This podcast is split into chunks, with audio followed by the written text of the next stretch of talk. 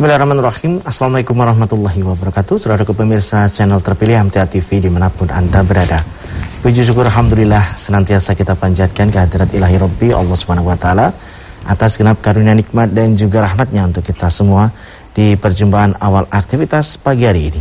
Kita jumpa kembali di program unggulan Fajar Hidayah dan Alhamdulillah sudah ada Ustadz Dr. Setio Budi Santosa yang nanti akan melanjutkan pelajaran sekaligus memberikan pencerahan untuk kita semua di kesempatan pagi hari ini. Assalamualaikum warahmatullahi wabarakatuh Ustaz. Waalaikumsalam Kabar baik dan sehat pagi ini Ustaz? Alhamdulillah. Alhamdulillah, sehat, baik. Dan pemirsa tetap kami ingatkan untuk senantiasa kita laksanakan bersama protokol kesehatan, pakai masker, jaga jarak dan cuci tangan menggunakan sabun. Anda bisa bergabung bersama kami nanti di line telepon yang sudah kami siapkan di 02716793000, SMS dan juga di WA kami di 08112553000. Kita simak pelajaran kita di kesempatan pagi ini. Ya. Assalamualaikum warahmatullahi wabarakatuh. Alhamdulillahi nahmaduhu wa nasta'inuhu wa nastaghfiruh wa na'udzu billahi min syururi anfusina wa min sayyiati a'malina may yahdihillahu fala mudhillalah wa may yudlil fala hadiyalah. Asyhadu an la ilaha illallah wa asyhadu anna Muhammadan abduhu wa rasuluhu amma ba'du. Qala Allah azza wa jalla a'udzu billahi minasyaitonir rajim. Wa'budullaha wa la tusriku bihi say'aw wa bil walidaini ihsana. Para pendengar radio MTFM, Persada FM, dan juga beberapa siaran radio yang menyiarkan Fajar pada pagi hari ini, dan terutama juga para pemirsa MTF TV yang berbahagia, mari pertama-tama kita panjatkan puja dan puji syukur kepada Allah, di mana pada pagi hari ini Allah masih memberikan banyak nikmat kepada kita kita diberikan kesempatan hidup, kita diberikan kesehatan, kita diberikan rizki, kita diberikan banyak hal yang kalau kita menghitungnya tidak bisa menghitungnya. Dan juga mudah-mudahan pada pagi ini juga Allah memberikan hidayah kepada kita, hidayah suatu nikmat yang paling besar, sehingga kita tetap sebagai seorang Islam, sebagai orang yang berserah diri, dan nanti pada saat kita menghadap Allah, tetap sebagai orang yang beriman. Pada pagi hari ini masih kita lanjutkan tentang penyakit spiritual ya, yang sudah saya terangkan tentang kekafiran uh, sudah dulu, kemudian juga tentang kemunafikan sudah panjang lebar. Saya sampaikan penyakit yang berikutnya adalah kemusyrikan. Kemarin sudah saya terangkan kemusyrikan umat manusia yang kadang-kadang uh, yang secara zatilah atau menganggap bahwa ada Tuhan selain Allah ya bentuknya berbagai macam ya. Ada yang melihat adanya misalnya uh, bulan misalnya dianggap itu suatu uh, Tuhan atau mungkin matahari atau mungkin uh, bintang. Ya, di di surat Al-An'am 76 itu uh, pada saat Nabi Ibrahim menganggap bahwa ketika pada malam itu melihat bintang maka itu dianggap Tuhan.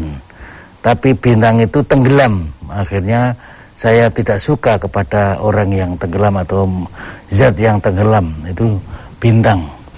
Kemudian ada yang menganggap bahwa bulan itu bintang. Ya, di surat Al-An'am 77 itu bahwa bulan itu bintang. Ah, bintang itu sebagai Tuhan. Kemudian ada juga yang menganggap matahari ya, bahkan mungkin sekarang ini masih ada yang menganggap matahari pada saat Al-An'am itu uh, 78 matahari sebagai Tuhan. Tatkala matahari terbit dia menganggap ini Tuhanku, ini lebih besar. Maka tatkala matahari itu terbenam, ya hai kaumku, sesungguhnya aku berlepas diri dari apa yang kamu persekutukan. Kemudian selain itu juga ada yang ya Nabi Isa sebagai Tuhan. Eh, di surat Maidah ayat 17 misalnya. Sesungguhnya telah kafirlah orang yang berkata sesungguhnya Allah itu Isa Al-Masih putra Maryam.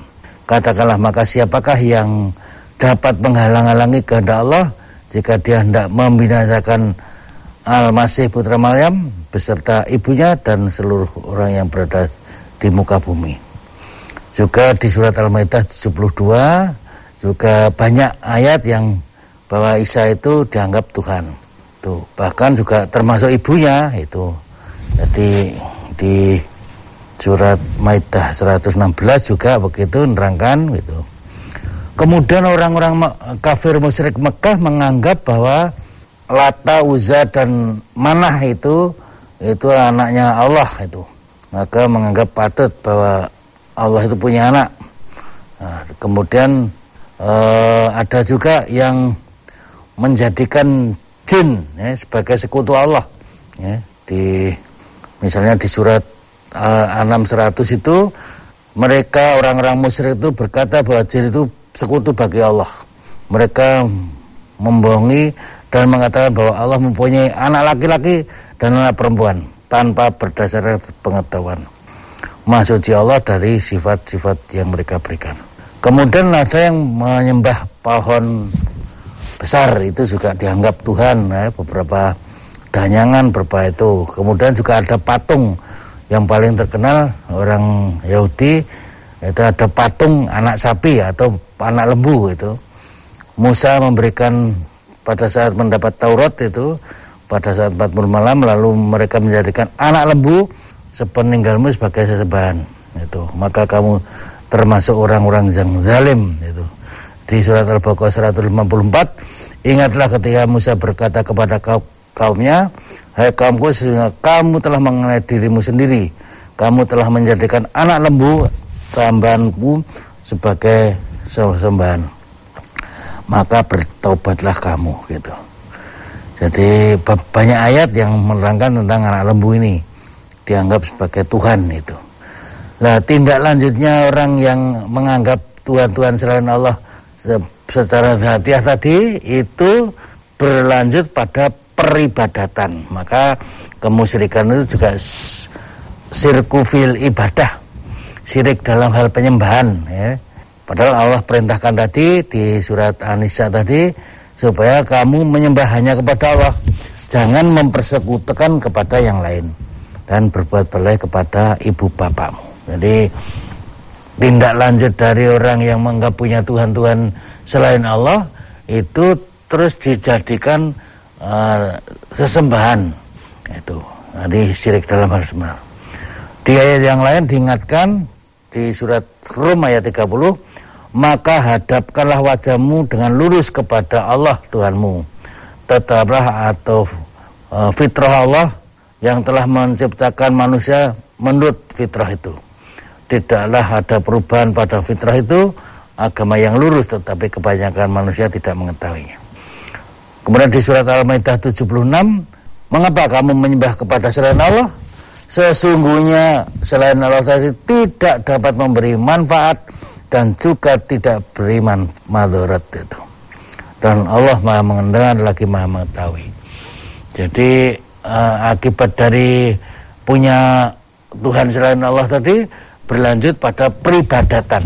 Nah itu juga syirik, syirik dalam hal ibadah. Di ayat yang lain surat Al-Furqan ayat 68 dan orang-orang yang tidak menyembah Tuhan yang lain beserta Allah dan tidak membunuh orang yang diharamkan kecuali dengan alasan yang benar dan tidak berzina. Barang siapa yang melakukan demikian itu niscaya ia mendapatkan pembalasan dari dosa-dosa. Ini orang yang mukmin itu tidak menyembah kepada selain Allah dan juga tidak membunuh jiwa yang diharamkan dan juga ya tidak berzina dan sebagainya. Mereka itu yang selamat itu. Dan ingatlah ketika Lokman ya memberi pelajaran kepada anaknya di waktu yang memberi pelajaran, "Hai anakku, janganlah kamu mempersekutukan Allah. Sesungguhnya mempersekutukan Allah benar-benar kezaliman yang besar." Terangkanlah kepadaku jika datang sekian Allah kepadamu atau datang kepadamu hari kiamat. Apakah kamu menyeru kepada selain Allah jika kamu orang-orang yang benar? Jadi ternyata syirik itu berbagai macam ya yang diawali dengan ya ada zat-zat seolah-olah itu merupakan Tuhan ya. Tadi ada bintang ada bulan ada matahari ada latauza ada pohon ada uh, manusia itu yang dianggap Tuhan kalau di Yahudi ini namanya Uzair, putra Allah. Ya, kalau di Nasrani, ya, Isa putra Maryam adalah anak Allah, tapi juga Tuhan, maka itu di, dipertuhankan. Nah setelah dipertuhankan, tindak lanjutnya ternyata menjadikan sesembahan. Jadi beribadahnya kepada kepada mereka padahal perintahnya Allah ya supaya menyembah hanya kepada Allah ya. Rasulullah memberikan pelajaran ya Rasulullah sabdanya uh, hak Allah atas hamba-hambanya adalah mereka beribadah kepadanya jadi yang wajib disembah hanyalah Allah bukan selain Allah jadi bukan yang dianggap dianggap Tuhan tadi kalau dianggap Tuhan tadi itu namanya kemusyrikan dan barang siapa berbuat musyrik amalnya tidak diterima. Lahirnya orang musyrik ini kadang juga sholat, juga zakat, juga puasa, bahkan mungkin haji. Tapi dalam keyakinannya ada Tuhan-Tuhan selain Allah. Jadi termasuk beribadahnya tidak kepada Allah, tapi kepada selain Allah. Jadi maka diperintahkan oleh Rasul tadi supaya beribadahnya kepada Allah dan tidak mempersekutukan kepada sesuatu apa pun. Ini jadi penyakit musyrik ini kadang kita tidak terasa justru ya itu tadi ada sesembahan. Ada yang mungkin bahasa saya sesembahnya kepada gunung ya memberikan ya penghormatan kepada gunung atau bukan juga laut-laut atau juga ya danyangan-danyangan atau juga ya pohon-pohon yang angker tuh dianggap besar atau mau perlu semacam ada persembahan, ada ritual-ritual uh, tertentu. Padahal Allah dan Rasulnya tidak memerintahkan. Jadi efek dari keyakinan yang salah dalam hal mempertuhankan uh, sesuatu yang tadi ya, saya contohkan berbagai macam tadi itu akibatnya kadang terus timbul pada persembahan atau ya istilahnya peribadatan Padahal mestinya peribadat itu hanya kepada Allah. Dan mungkin saya tegaskan yang namanya beribadah itu pada hakikatnya ya kita tidak boleh beribadah kepada siapa pun apa pun. Ya, kita tidak boleh beribadah kepada siapa pun apa pun kecuali ibadah itu diperintahkan atau dicontohkan ya diperintahkan oleh Allah dicontohkan oleh Rasulullah itulah yang kita tiru yang kita contoh jadi kalau kita beribadah padakannya dilarang beribadah kepada siapa pun, kepada apa pun tidak boleh. Kecuali ada contoh dan ada perintahnya, terutama di dalam Al-Quran, misalnya akimi sholah, ya, perintah untuk mendirikan sholat, itu untuk beribadah, itu perintah Allah. Ya, kalau tindak lanjutnya, solu kama itu muni usoli. Jadi sholat sebagaimana uh, melihat aku sholat, Rasulullah sholat. Jadi sholat itu harus melihat contohnya Rasulullah. Rasulullah bagaimana sholat ya kita tiru bagaimana kita menghadap ke barat, kita bersedekap, kita angkat tangan, kita segala macam itu hanya mencontoh, meniru, meneladani. Kemudian perintah-perintah sholat ya banyak di uh, dalam ayat Al-Quran banyak sekali sehingga ibadah tadi harus ada perintahnya dan ada contohnya.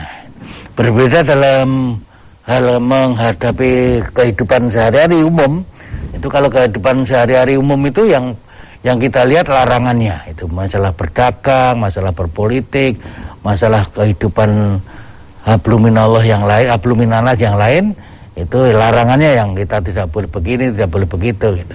Tapi kalau ibadah tidak ada uh, uh, apa ya larangan beribadah begitu begitu yang ada semua peribadatan tidak boleh kecuali ada perintahnya, kecuali ada contohnya. Jadi kalau kita mau puasa ya harus lihat contoh, kalau kita mau haji ya harus kita lihat contohnya. Jadi hanya kita tiru, kita ikuti sesuai dengan yang dilaksanakan oleh Rasul dan sesuai dengan yang diperintahkan Allah.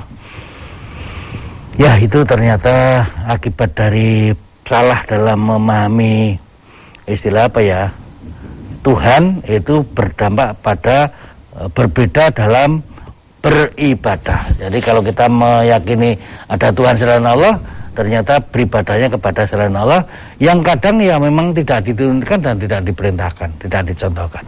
Tapi kalau kita hanya beribadah pada hablum minallah itu hanya mencari perintahnya di dalam Al-Qur'an dan mencari contohnya bagaimana uh, kita harus beribadah kepada Allah. Ya saya kira itu saja yang saya sampaikan pada pagi hari ini. Ya. ya.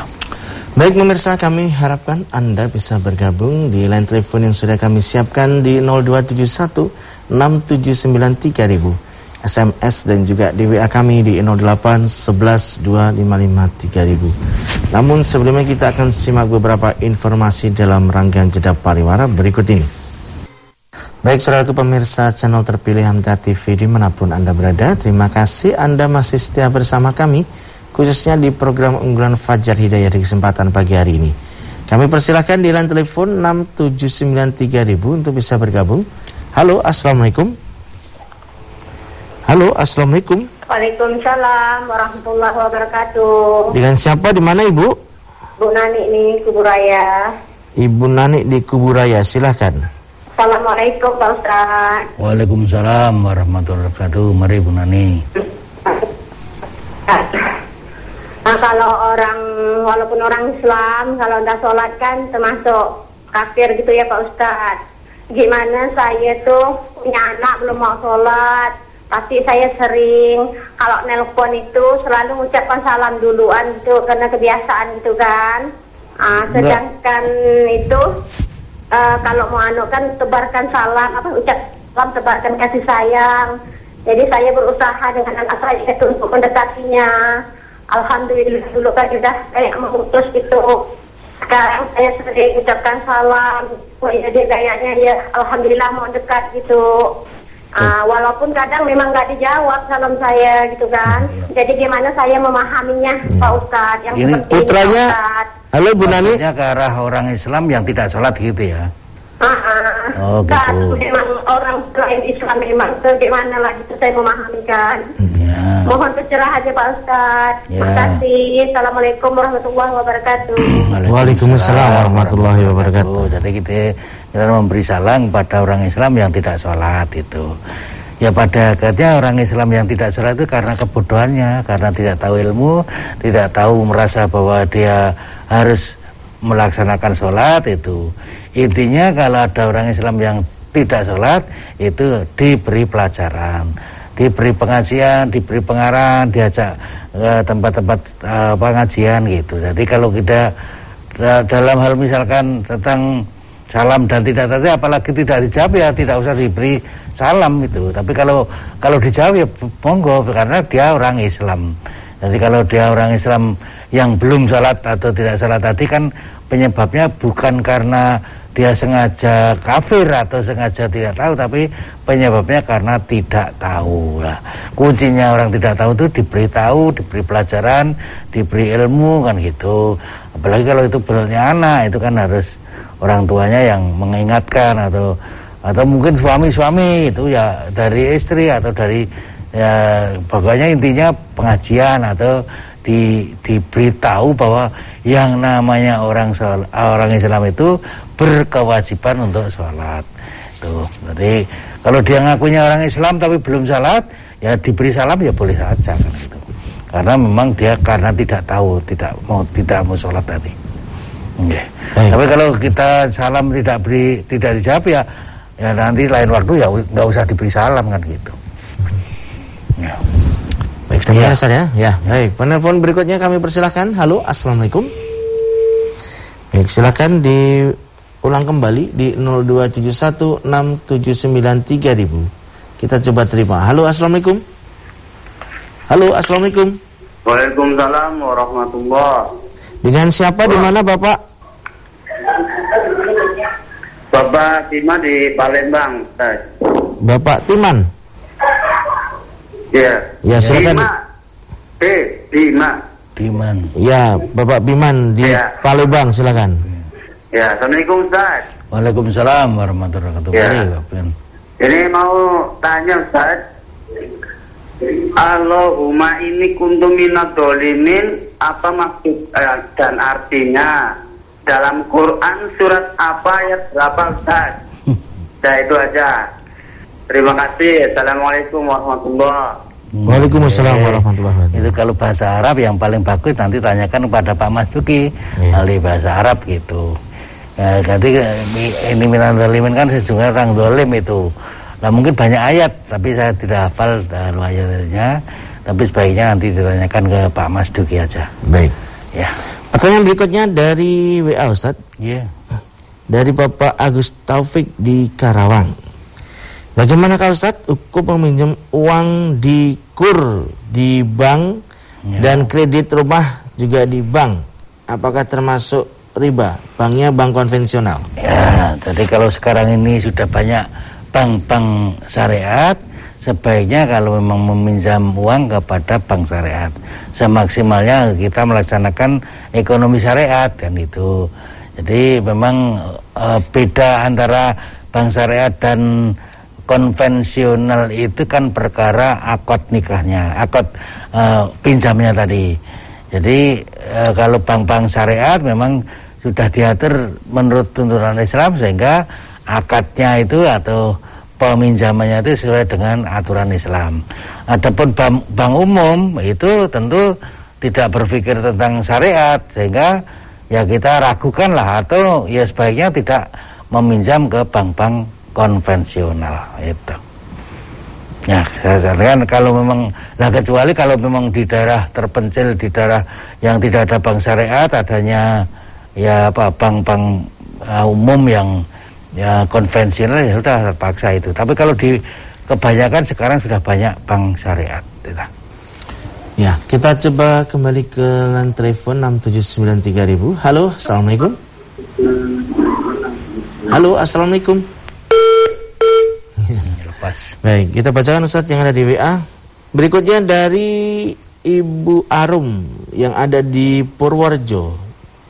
Bagaimanakah kami harus bersikap Ustaz? Di musola pribadi itu setiap malam Ahad ada belajar membaca Al-Qur'an. Ya. Nah, sementara itu setelah saya mengikuti tahsin di majelis, saya merasa masih nol dalam membaca Al-Qur'an. Karena saya meneruskan orang tua yang sudah meninggal, membimbing anak-anak di lingkungan saya. Dan pesertanya ibu-ibunya, suaminya tidak sholat lima waktu. Iya. Demikian Ustaz. Ya. Jadi setelah ngaji atau setelah mendapat pelajaran tahsin di majelis ternyata merasa nol. Tadi padahal di rumah punya binaan ya, punya Hmm, iya. orang-orang yang diajari. Ya Mas Tatum sebatas eh, kemampuannya dan ya kalau kita bisanya apa ya apa yang kita bisa tadi disampaikan kepada anak-anak tadi yang di rumah tadi yang di di masjid tadi. Karena orang tua dulu punya binaan kemudian kita teruskan. Ya kita bisanya apa ya semaksimalnya?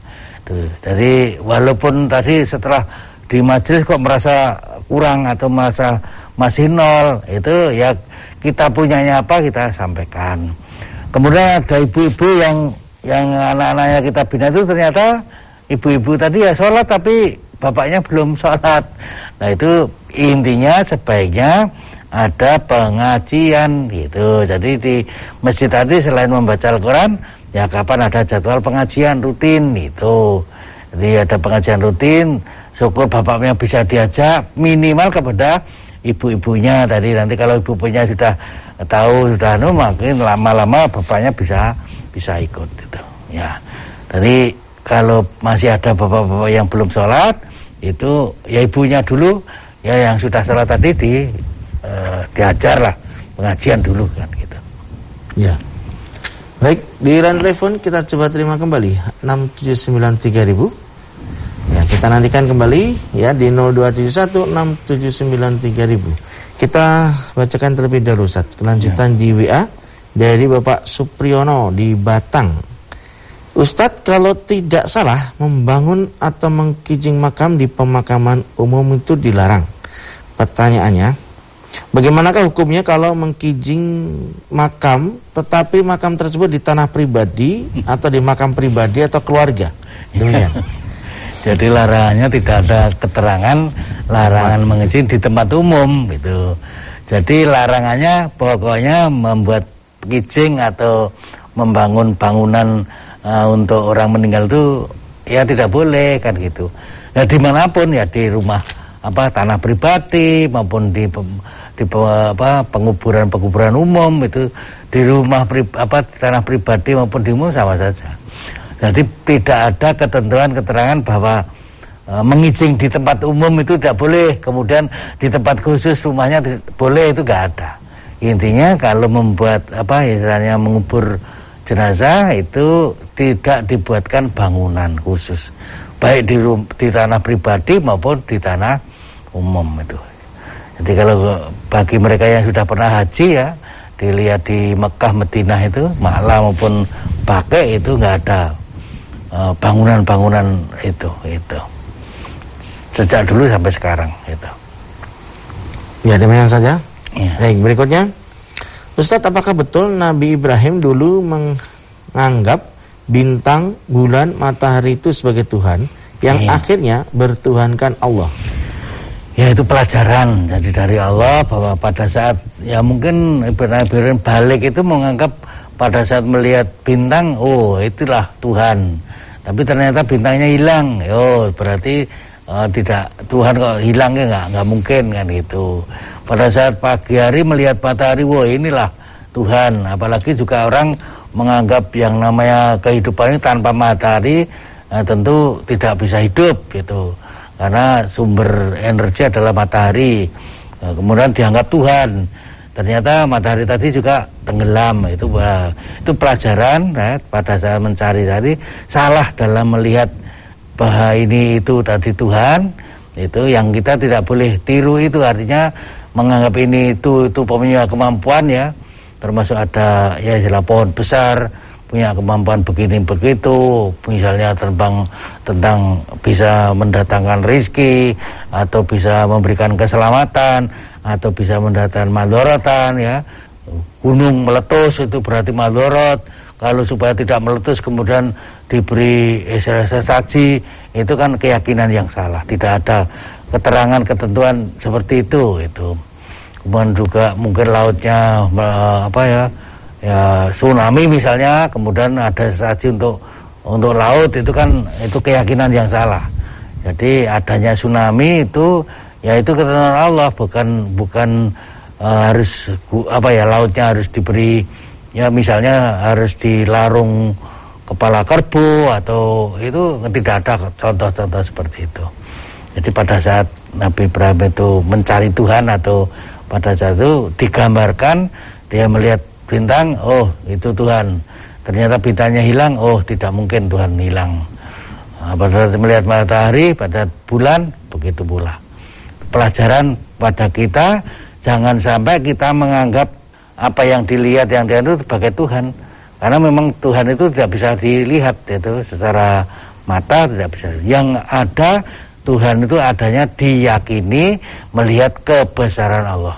Jadi lihatlah apa yang uh, istilahnya hasil ciptaan Allah, jangan mencari zatnya Allah. Zatnya Allah tidak bisa melihat. Mata kita itu kan terbatas, telinga kita itu terbatas, otak kita terbatas. Maka kalau melihat Tuhan bukan dengan otak, tetapi dengan hati, dengan keyakinan itu. Ya. Ya, baik. Kita lanjutkan masih di WA dari Ibu Siti di Karanganyar, Ustaz. Nih. Terkait masalah hutang piutang, Ustaz. Semisal ketika menjadi pasangan suami istri, dulu pernah pinjam uang kepada seseorang yang uang tersebut itu digunakan untuk kebutuhan suami, yakni membuat kartu jaminan kesehatan dari sebuah instansi.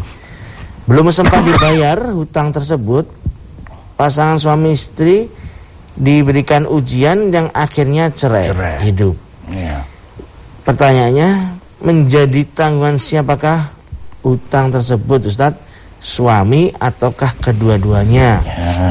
Terus yang kedua, dan semisal utang bank kemudian uangnya digunakan suami dan istri, digunakan oleh suami dan istri tidak diberitahu untuk apa uang tersebut.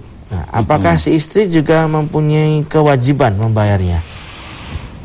Kalau menurut Islam ya menurut Islam yang namanya memberi nafkah adalah kewajiban suami. Jadi dalam hal memberi nafkah adalah kewajiban suami. Itu. Kemudian yang pertanyaan pertama tadi hutang piutang suami istri yang menggunakan suami apalagi yang menggunakan suami yang yang berkewajiban me, mengembalikan ya suaminya tadi gitu. Pertanyaan kedua juga sama itu utang piutang dipakai untuk dan itu tapi terutama suami istri pun tidak tahu itu tentu harus suami bahkan kalau istri punya hutang dan sudah memberitahu kepada suaminya untuk ini dan itu dan disetujui suaminya itu pun suami yang harus e, bertanggung jawab atau e, sebagai ya imam dalam keluarga itu maka uh, walaupun yang utang istri tetapi sudah sepengetahuan suami atau sudah izin suami maka suami yang harus mengembalikan. Karena tadi sudah sudah izin itu. Nah kecuali seorang istri punya utang banyak tetapi tidak seizin suaminya itu berarti dia harus mengembalikan sendiri sehingga sampai cerai dan sebagainya. Jadi kalau tadi yang pertanyaan pertama pada saat hutang itu tadi suami yang memakai atau bahkan mungkin istrinya yang memakai pun kalau sudah sepengetahuan suami dalam Islam yang berkewajiban memberi nafkah itu suami ya suami yang harus mengembalikan itu. Dua juga sama karena tadi yang memakai juga suami ya berarti suami yang harus itu. Baik. Pertanyaan berikutnya dari Ibu Yani di Jogja apa zakat emas dilakukan sekali atau setiap tahun Ustaz? Nah, seberapa? Artinya kalau kalau banyak kalau melebihi garis ya berarti setiap tahun itu karena ada keyakinan bahwa ada zakat itu nisab dan khol itu. Nisab itu ukuran-ukuran tertentu, khol itu dalam jangka waktu tertentu.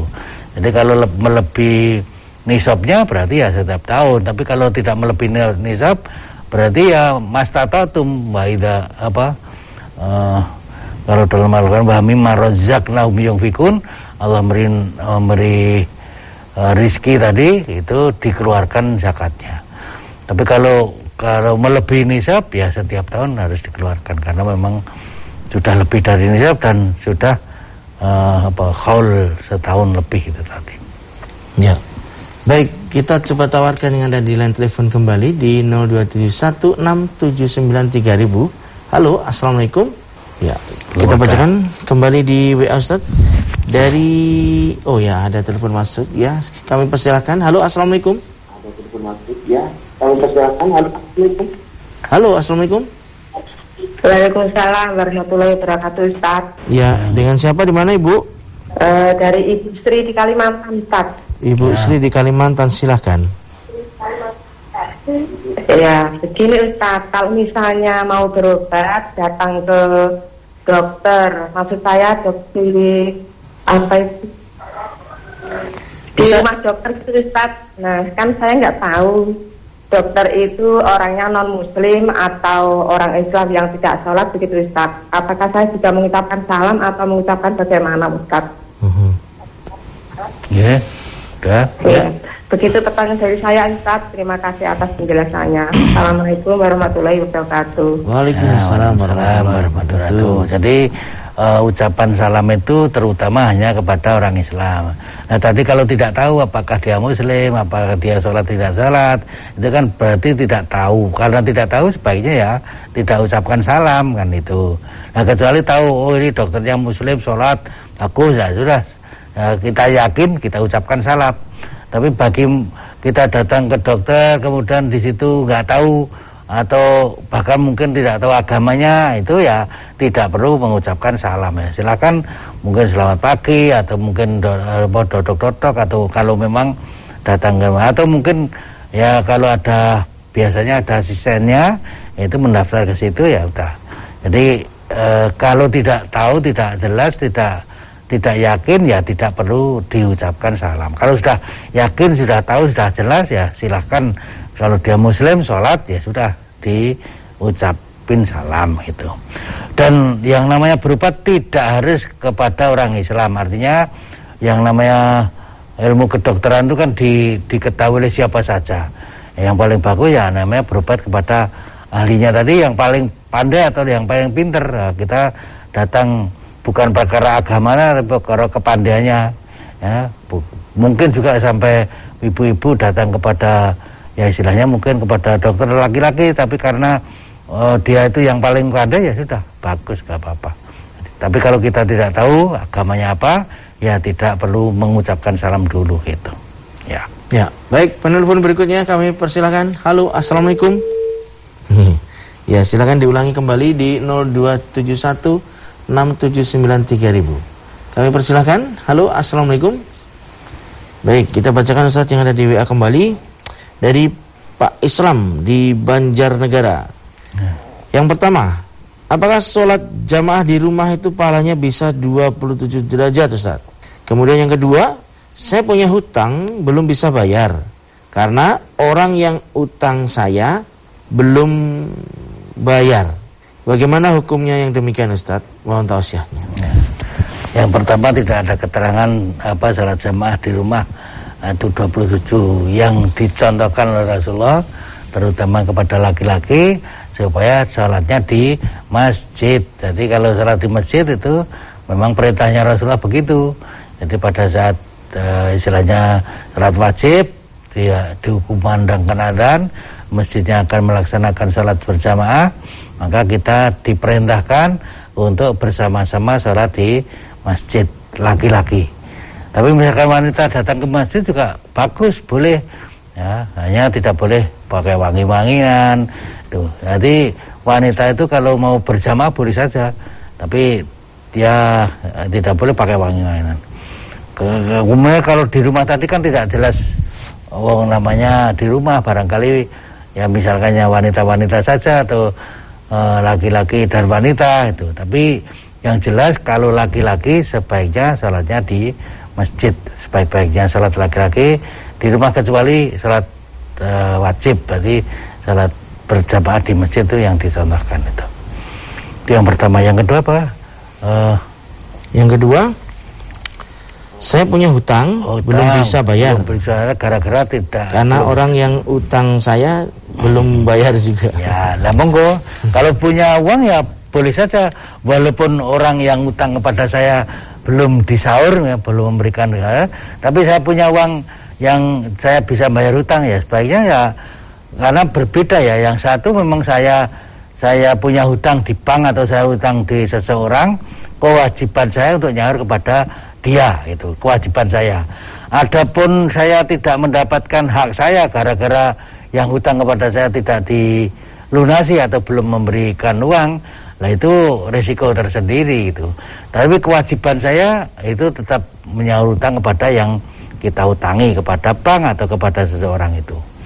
Jangan sampai gara-gara saya tidak uh, mendapat sauran dari seseorang yang hutang kepada saya terus saya juga ah saya tidak perlu membayar hutang saya tidak begitu ya, Bapak punya kewajiban kepada yang diutangi kepada bank atau kepada seorang tadi ya harus dilaksanakan. Adapun Bapak tidak mendapatkan haknya gara-gara yang yang hutang kepada Bapak tidak membayar itu ya resiko tersendiri gitu. Tapi kewajiban Bapak tetap harus nyaur.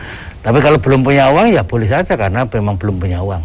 Tapi kalau sudah punya uang eh, dan tidak istilah apa ya, tidak harus nunggu yang nyaur utang dari orang tadi, tapi kita tetap segera membayar hutang kita. Kewajiban kita membayar hutang itu. Adapun hak kita mendapat sauran, tapi kalau bisa dapat hak atau tidak kan ya terserah yang yang hutang tadi itu. Ya. Ya. Kami tawarkan kembali di line telepon 6793000 Halo, Assalamualaikum. Baik. Kita bacakan dari Pak Purwanto di Bagor. Kalau biasa di Bag Bagor itu nganjuk ya. ya. Pertanyaannya, sering kali kita jumpai acara-acara di kampung setempat. Umpamanya kampungnya bernama Giring. Ya. Terus ada acara Giring bersolawat. Yang saya tanyakan apakah ini termasuk mengamalkan surah 33 ayat 56 Ustaz. Mohon tausiahnya. Surat 33, 33 ayat, ayat, ayat 56 ya coba tak, tak bukanya dulu. Iya. Jadi apa-apa di situ. 33 itu surat uh, surat apa tuh? Surat Al-Azab ya. Ayatnya 36. 56. 56 Ya.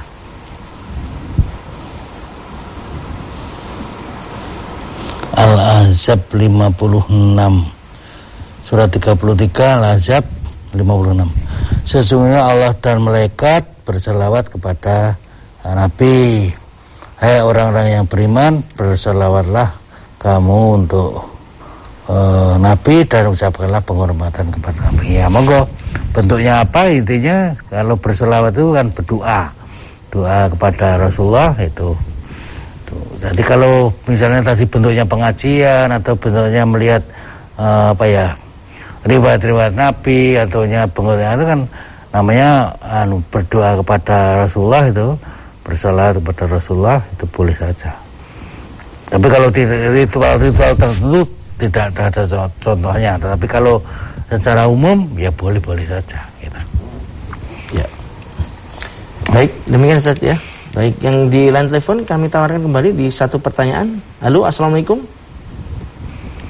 Baik, kita ya. sudah di penghujung perjumpaan kesempatan ya. kali ini. Silakan ada yang bisa dinasihatkan. Jadi pada pagi hari ini ya saya terangkan tentang kemusyrikan ya. Kemusyrikan termasuk penyakit spiritual. Ya, penyakit spiritual itu tidak bisa diobati dengan uh, suntian, dengan pil, dengan sirup, dengan suntik, uh, diinfus, dengan dioperasi dan sebagainya penyakit spiritual itu bisa dihilangkan dengan asifa ulima fisudur itu uh, penyakit yang ada dalam hati itu dengan Al-Quran. Karena Al-Quran itu fungsinya adalah uh, menghilangkan penyakit yang ada dalam hati terutama penyakit spiritual. Nah, supaya kita hilang dari penyakit spiritual terutama musyrik tadi itu kita harus memahami harus mengerti uh, yang ada di dalam Al-Quran bagaimana kita meyakini adanya Allah meyakini yang perlu diibadai adalah Allah bukan yang lain lah. Kalau kita istilah beribadah kepada selain Allah yang yang tidak ada contohnya dan tidak ada perintahnya tentu akan keblasuk akan keliru. Tapi yang jelas yang namanya Allah itu kita ibadai sebagai pencipta dan juga ya Rob ya Robbul Alamin maka itu yang harus kita kita dahulukan. Jadi jangan sampai kita ya punya keyakinan-keyakinan yang yang salah atau punya ya punya sesembahan sesembahan selain Allah akhirnya kita termasuk uh, punya penyakit spiritual. Dan penyakit spiritual ini akibatnya tidak hanya di dunia. Jadi orang yang punya penyakit spiritual itu akibatnya di akhirat nanti. Jadi kalau orang sakit di akhirat nanti itu bahkan holy dinafia artinya selama-lamanya. Jadi kalau kita punya penyakit kemudian tidak diobati selama hidup di dunia ini tidak segera dihilangkan kemusyrikannya itu akibatnya nanti akan kita terima di akhirat nanti. Kalau orang penyakit fisik itu kan hanya di dunia saja. Paling banter sampai meninggal itu misalnya paling banter ya 100 tahun misalnya atau 70 tahun, 80 tahun sudah selesai begitu mati penyakit fisiknya sudah tidak ada. Sudah tidak terasa apa-apa karena penyakit fisiknya sudah hilang itu tapi kalau penyakit spiritual itu ya sampai selamanya. Nanti di akhirat nanti akan dilihat bagaimana keyakinannya bagaimana peribadatannya bagaimana kehidupan sehari-harinya. Jadi kalau dia termasuk orang yang sehat spiritualnya berarti di akhirat termasuk orang yang diselamatkan dimasukkan ke surga termasuk kholidina fiha abada bahkan.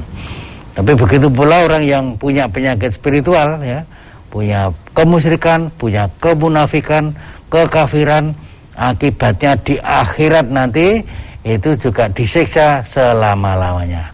Banyak ayat yang menerangkan begitu. Jadi memang ada yang diselamatkan kalau memang dia taubat kalau memang sebelum mati dia sudah tidak punya penyakit spiritual. Tapi bagi mereka yang punya penyakit ini itu nanti akibatnya sampai di akhirat nanti. Jadi naudzubillah min dalik, mudah-mudahan kita dibersihkan dengan uh, penyakit-penyakit spiritual sehingga kita nanti dimasukkan ke dalam surga untuk selama-lamanya. Untuk itu perlu pengajian, untuk itu perlu fajar hidayah, untuk itu perlu pemahaman ya, perlu membaca Al-Quran, perlu mengetahui isinya Al-Quran dan e, perlu contohnya Nabi mengikuti sunnah Rasulnya sehingga kita mengapa membuat majelis tafsir Al-Quran itu karena ya kita perlu belajar Al-Quran dan mengamalkannya dan juga perlu belajar sunnah Rasulullah untuk ditiru bagaimana perilakunya. Terutama masalah ibadah. Masalah ibadah itu adalah sesuatu yang pada akhirnya secara umum tidak boleh. Beribadah kepada apa pun tidak boleh. Beribadah kepada siapa pun tidak boleh pada akhirnya kecuali ibadah yang diperintahkan dan dicontohkan. Jadi kalau beribadah itu secara umum tidak boleh, tetapi kalau ada ibadah yang diperintahkan, yaitu ibadah yang kita laksanakan. Ada ibadah yang dicontohkan, yaitu yang kita tiru itu. Jangan sampai kita kreatif dalam hal ibadah, ibadah begini, ibadah begitu, menyembah ini, menyembah itu, berarti salah, keliru jalan. Tapi kalau kita beribadah, kita hanya mencontoh dan hanya meniru Rasulullah SAW. Ya, itu yang saya tekan pada pagi hari ini. Baik Ustaz, kami sampaikan terima kasih atas tausiah dan pelajarannya. Assalamualaikum warahmatullahi wabarakatuh. Waalaikumsalam warahmatullahi wabarakatuh. Baik, saudaraku pemirsa channel terpilih MTA TV di mana pun Anda berada. Demikian tadi telah kita simak dan ikuti bersama program unggulan Fajar Hidayah di kesempatan pagi hari ini. Dan kembali tetap kami ingatkan untuk senantiasa kita laksanakan bersama protokol kesehatan, pakai masker, jaga jarak, dan cuci tangan menggunakan sabun. Saya Tami Al-Fatani pamit undur. Alhamdulillah Alhamdulillahirrahmanirrahim. Subhanakallahumma wa bihamdika. Assalamualaikum warahmatullahi wabarakatuh.